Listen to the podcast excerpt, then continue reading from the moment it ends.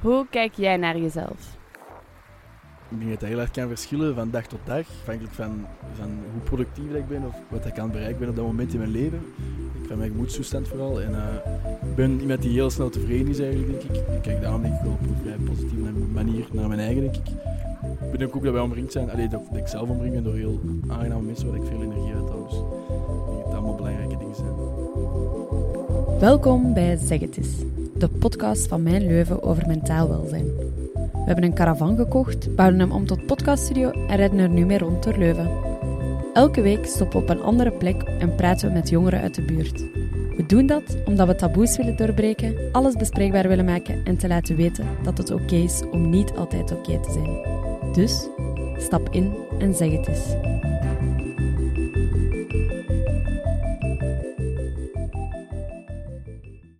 Hey, wij zijn Nette en Maartje. En welkom bij onze derde aflevering. Woehoe. En we staan hier in een mooi park. Genaamd het Refuge. Oh, dat klinkt zo chic. Achter SPC. We noemden dat ook wel het Teletubby-park. Ik weet niet of er nog mensen zijn die dat zo noemen, maar... Geen idee, ik alleszins niet. Maar zoals altijd hebben we ook vandaag een gast bij ons. En vandaag is dat Inte. Hallo. Hey. Dag Inte. Alles goed? Ja, zeker. Nu dat de zon schijnt, wauw. Zeg Inte, waarom zijn we hier vandaag? Uh, vandaag zijn we hier om het over zelfbeeld te hebben. Van waar deze keuze? Um, deze keuze omdat ik vind dat dat eigenlijk wel een heel relevant thema is. Zeker ja, met de leeftijd waarin dat wij ongeveer zitten. Zo jongeren, dat wij heel veel met onszelf bezig zijn en ook met hoe de anderen naar ons kijken. Vond ik het toch wel ook allee, belangrijk om het daar zo eens over te hebben. Oké, en je hebt ook ons jouw verhaal verteld. Wat is er precies gebeurd, als ik het zo mag zeggen? Dus um, sinds coronaperiode eigenlijk, toen dat school wegviel, had ik veel meer tijd en was er um, ja, niks meer om echt mij mee bezig te houden met school of zo, want ja, dat was er gewoon niet meer. En daardoor ben ik eigenlijk gewoon meer over mezelf beginnen nadenken en beginnen nadenken over hoe de anderen mij zien. En daardoor ben ik in een soort van ja, allerlei verschillende gekke hersenkronkels en hers allee, gedachten gekomen. Uh, die ervoor hebben gezorgd dat ik eigenlijk heel ongelukkig, heel ongelukkig was met mezelf. En dan ben ik daar ook soort van dingen in beginnen veranderen. Niet altijd op een even gezonde manier, maar vanaf dat je dan complimenten krijgt van anderen, begint je daar eigenlijk gewoon nog harder mee bezig te zijn. Wat was zo een beetje het kantelmoment van dat je besefte van, oh, nu ben ik, zoals je zelf zegt, niet meer gezond bezig? Ja, het is eigenlijk mijn beste vriend die me heeft aangesproken en die met mij e-, echt in gesprek is durven gaan van, kijk Inte, ik zie wat er aan het gebeuren is en ik vind het eigenlijk niet oké. En heb je daar zelf al bij stilgestaan? Maar wel een chapeau taak van, van, van uw beste vriend dan, om toch zo'n moeilijk gesprek, en ja, dat is nu toch al even geleden, op, op een een redelijk jonge leeftijd tussen aanhalingstekens dan, om zo'n gesprek aan te gaan. Ja, ik denk dat het voor hem ook niet altijd even makkelijk is geweest, want ja, op sommige momenten wil ik natuurlijk ook niet horen dat hij zich zorgen maakt of dat, mhm. dat het niet goed gaat of zo. En dus ja, ik heb sowieso wel een paar keer tegengestribbeld en ik ben niet altijd even vriendelijk geweest. Dus ik vind het wel ja, heel mooi inderdaad ook dat die er toch altijd zo is gebleven en mij niet heeft opgegeven. En het moment voordat jouw beste vriend er dus over begon, had je het zelf ergens een beetje door? Of was het toch wel eerder nog ergens in een wijs in je hoofd? Goh, het was eerder een waas, want ik kikte eigenlijk wel heel hard op het gevoel van, ja, net niet genoeg. Ik weet, ja, de complimenten van anderen, ja, ik kikte daar echt wel op. En ik had het gevoel van, weet je, zolang dat ik recht sta, zolang dat ik kan blijven lachen en toch allee, doen alsof alles oké is, is het wel oké. Dat maakte ik mezelf eigenlijk wel gewoon wijs. En zo, allee, als je dat lang genoeg tegen jezelf blijft zeggen, dan gelooft je dat uiteindelijk ook wel gewoon. Hmm. Wat was het moment van dat je zelf dacht van nu ga ik hier iets aan veranderen en hoe heb je dat dan gedaan? Het is eigenlijk sindsdien dat ik gewoon heel veel ben beginnen praten ook met andere mensen erover. Want ja, in mijn gezin begonnen ze er dan ook wel opmerkingen over te maken en ben ik daar ook in gesprek geweest met mijn zussen dan daarover en met andere vrienden. En het is ook vanaf dan dat ik ook meer tijd echt voor mezelf heb genomen. Als in, ja, ik ben gaan ontdekken eigenlijk wat de kleine gelukjes zijn voor mij. En daar valt dan onder die lange wandelingen, eventjes me helemaal wegtrekken in, dan, in de natuur. Heel veel schrijven ook. Ik heb altijd mijn boekje mee waarin, waarin dat ik echt al mijn gekke gedachtenkronkels gewoon eventjes kan neerschrijven. Of ook, ja, als ik voel dat, dat mijn gedachten weer op hol gaan slagen, dan, ja, dan zet ik mijn koptelefoon op, zet ik heel luide muziek op en dan ga ik eventjes een toertje lopen om gewoon het zo eventjes tegen te houden en ja, tot rust te komen. Ja, want misschien belangrijk om nog even mee te geven, de onzekerheid zeg maar, over je zelfbeeld is uiteindelijk ook wel in een eetprobleem geraakt, denk ik, als ik mag zeggen. En je gaf net aan, dus inderdaad, je beste vriend die erop had gewijs, gewezen en ook je familie en zo. Ja. Was dat voor jou lastig om ja, daarover te praten of hield je het nog eigenlijk wel een tijdje langer verborgen, zeg maar? Ja, in het begin is het sowieso wel lastig om daarover te praten, want je wilt niet dat mensen weten dat er een probleem is, want dan moet er ook iets gebeuren. En dat is eigenlijk net wat je niet wilt op dat moment, want je wilt verder gaan, je wilt je grenzen helemaal leren kennen, aftasten en toch net iets verder gaan. En het is ook gewoon nooit genoeg in je hoofd op dat moment. Dus wanneer je daarop gewezen wordt, dan weet je van, ah shit, ik word in doog gehouden, ze hebben me door, ik kan het, ik kan het niet meer verbergen. Ehm, dus in het begin is het sowieso moeilijk, want ja, dan was ik nog niet klaar om te vechten of dan wou ik nog niet vechten. Maar dan, ja, langzaamaan verandert dat dan gelukkig wel. Maar ja, het is, sowieso is het nog steeds niet altijd even gemakkelijk om daarover te praten. Want het is soms, ja, het blijft moeilijk om een onderscheid te maken tussen al die stemmetjes in je hoofd en te zorgen dat je luistert naar de goeie. Maar je doet het vandaag wel, want je zit hier. Ja, dat is waar.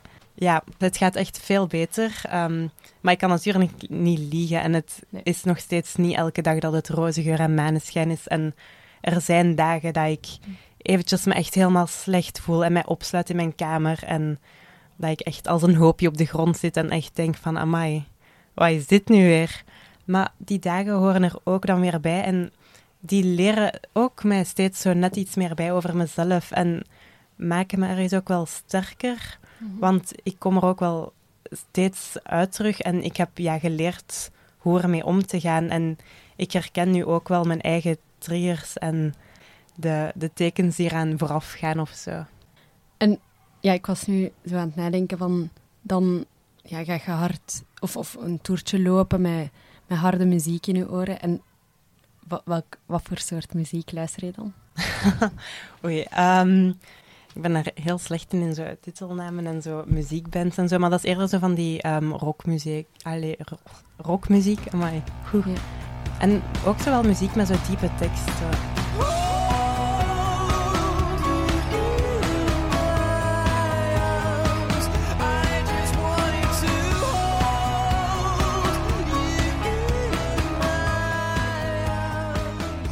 Ik heb dat ook. Als ik wat vastzit of zo met gedachten, of, of ik even nooit aan rust, dan is voor mij muziek number one. Ja. Koptelefoon, muziek. Altijd. Ik denk dat het belangrijk is dat iedereen voor zichzelf ook zo'n beetje uitzoekt van mhm. wat is het dat mij in zo'n moment of wat maakt mij precies gelukkig of zo.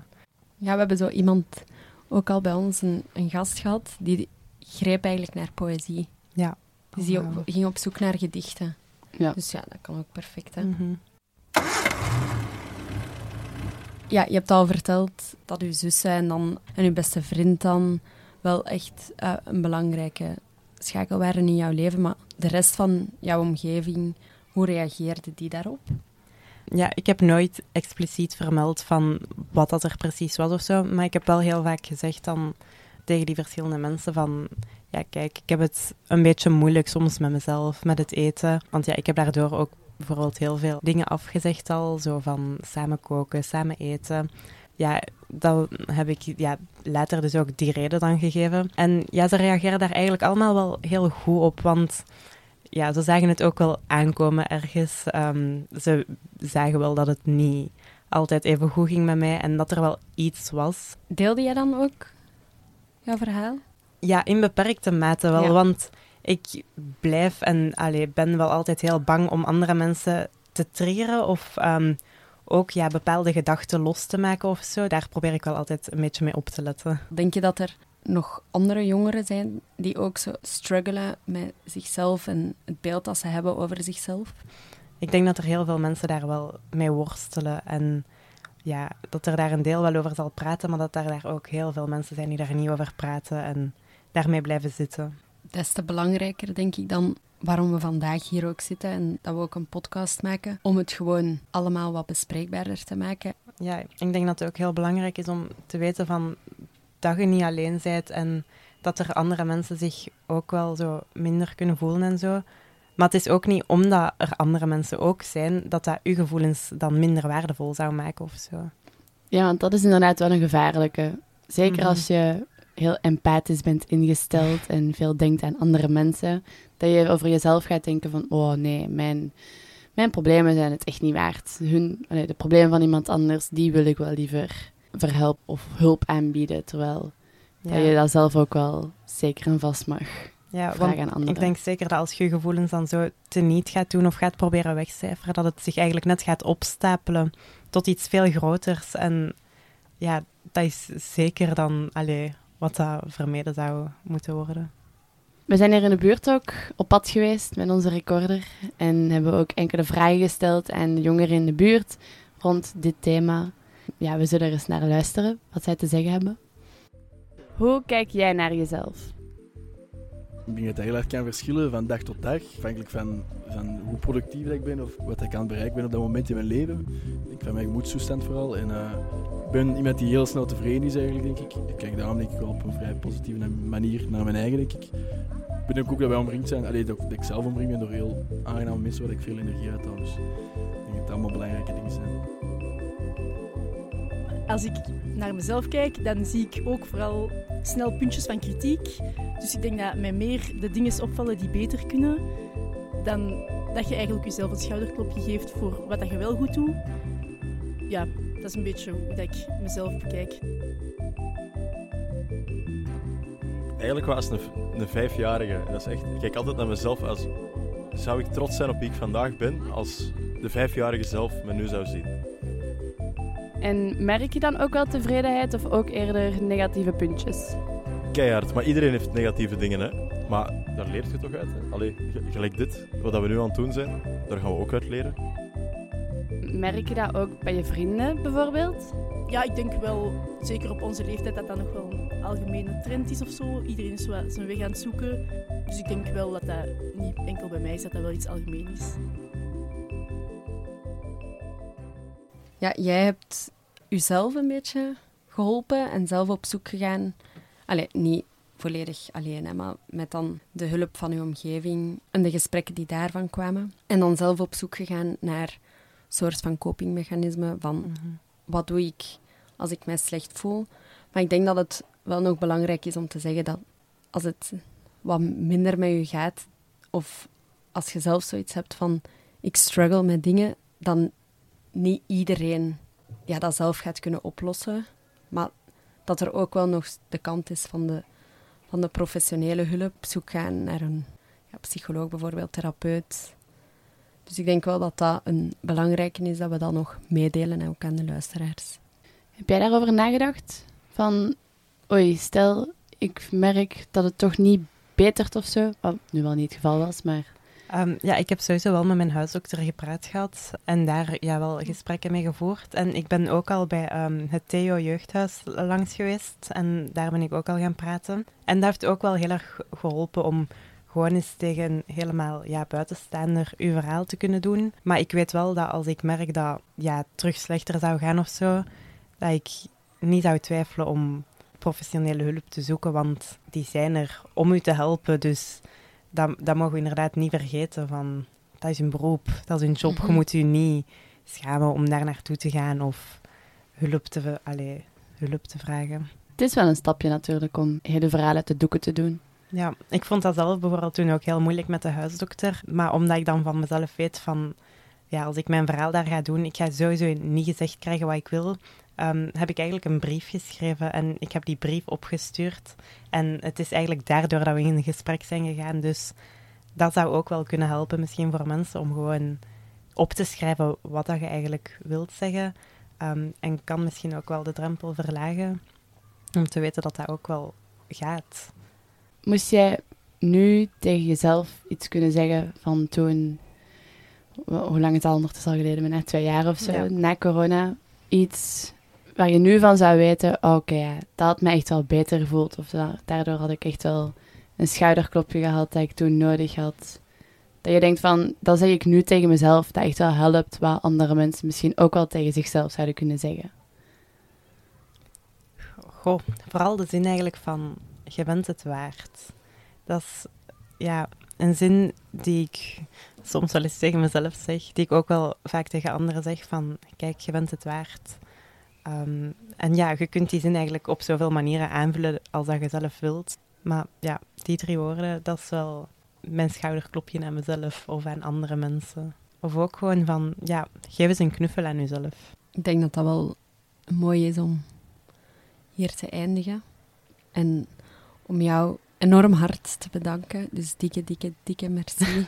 dat jij hier vandaag je verhaal wou komen doen en hebt gedaan. En chapeau. Heel graag gedaan. Inderdaad. En ik hoop dat het ook de drempel kan verlagen voor anderen om daarover te praten. Inderdaad, ja, dat hopen wij ook. Ja. Zit je zelf nog met vragen naar deze aflevering, dan kan je altijd wel terecht bij het JAK. Dat kan zowel online of in persoon als eerste opstapje naar iets professionelere hulp. Je kunt hen vinden op hun Instagram of via de website. En merci ook aan jullie, de luisteraars. En hopelijk tot de volgende keer. Tot de volgende! Dag!